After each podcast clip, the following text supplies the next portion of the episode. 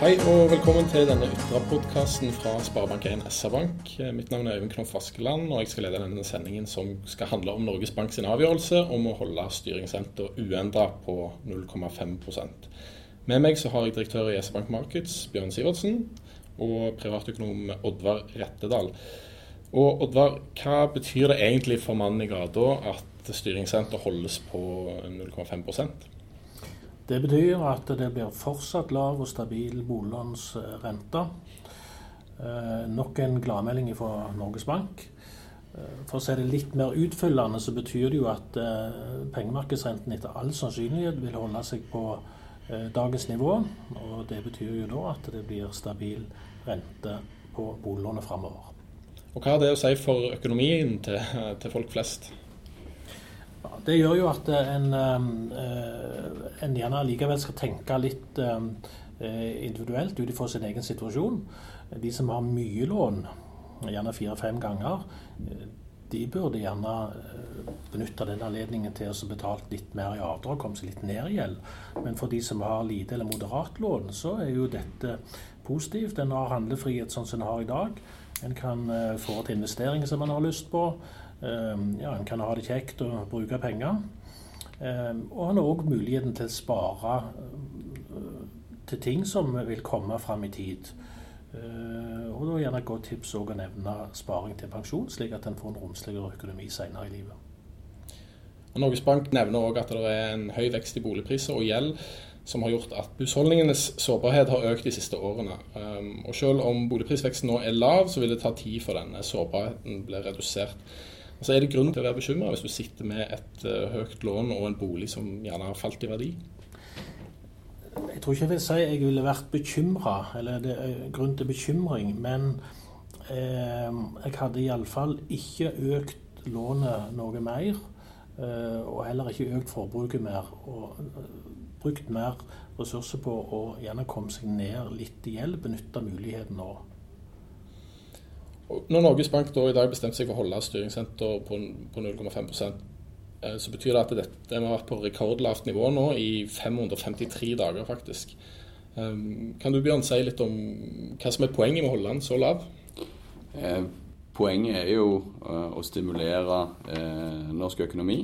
Eh, og, men samtidig så, så, ser vi at norsk økonomi er robust, og det går godt selv etter oljenedturen. Så at rentenivået er så lavt, må vi òg se i sammenheng med hvordan rentenivået er internasjonalt. Eh, og i våre nærmeste naboland, både i Sverige og i Danmark, og ja, du kan ta hele EU-markedet, så opererer de fortsatt med negative renter. Så for at forskjellen ikke skal være for stor fra norske renter til det som er internasjonalt, så, så er det med å hjelpe oss å medføre at vi har så lave renter som vi har. Og Hvilke konsekvenser får en lav rente for bedriften og næringslivet? Nei, Det fungerer jo stimulerende. Eh, og det gjør jo at eh, selskapene forhåpentligvis ønsker å investere mer. Eh, og at en kan ekspandere i en periode der vi har lave og forutsigbare renter. For dette er jo noe som vi tror vil vedvare.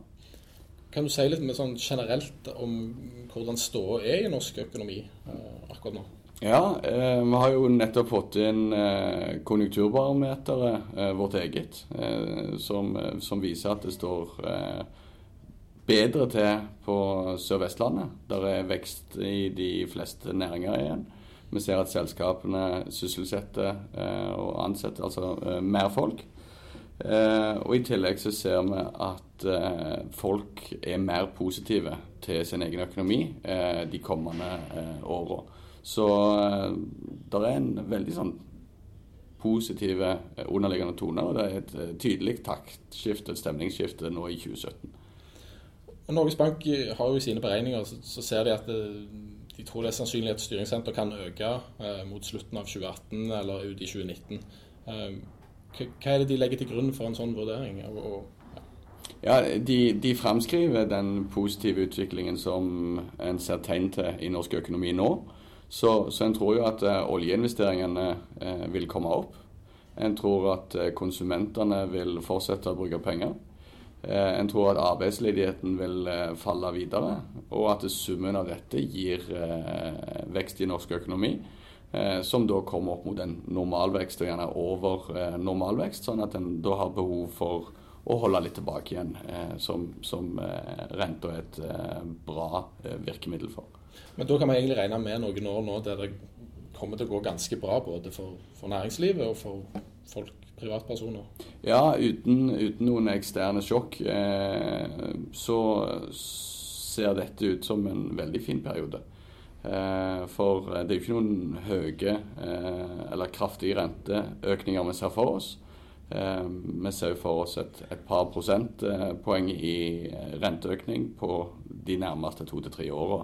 Og at kanskje en normalrente eh, må vi forbi 2020 for å se. Og man kan gjerne se et bilde av at det er rundt en 4, 4 eller noe sånt.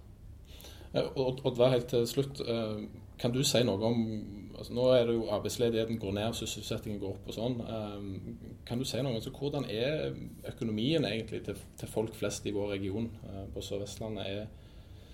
Har, har folk det greit nå? Ja, Økonomien til folk flest eh, er god. Vi ser det bl.a. på mislighold i forhold til låneengasjementene våre, som er veldig lav. Eh, og Det betyr at folk har god økonomi, de betjener sine lån. Det er jo noen som har blitt rammet av arbeidsledighet. Eh, men de har òg stort sett klart seg godt gjennom at rentenivået er så lavt som det er, og at en gjerne har endra lånet ifra med avdrag til avdragsfrihet. Summen av det har gjort at en har klart å, å, å, komme gjennom den perioden. Akkurat. Tusen takk skal dere ha. Det var um, veldig fint og veldig konkret om det vi egentlig sitter oppi nå. Um, jeg uh, håper det har vært interessant for dere som hører på. Dette er jo da Sparebank1 SR-Bank sin ytre podkast, som du kommer til å høre mer om i tida framover. Eh, takk for at du har hørt på oss. Mitt navn er Jon Askeland, og jeg har hatt med meg Oddvar Rettedal og Bjørn Sivertsen. Ha en fortsatt nydelig dag.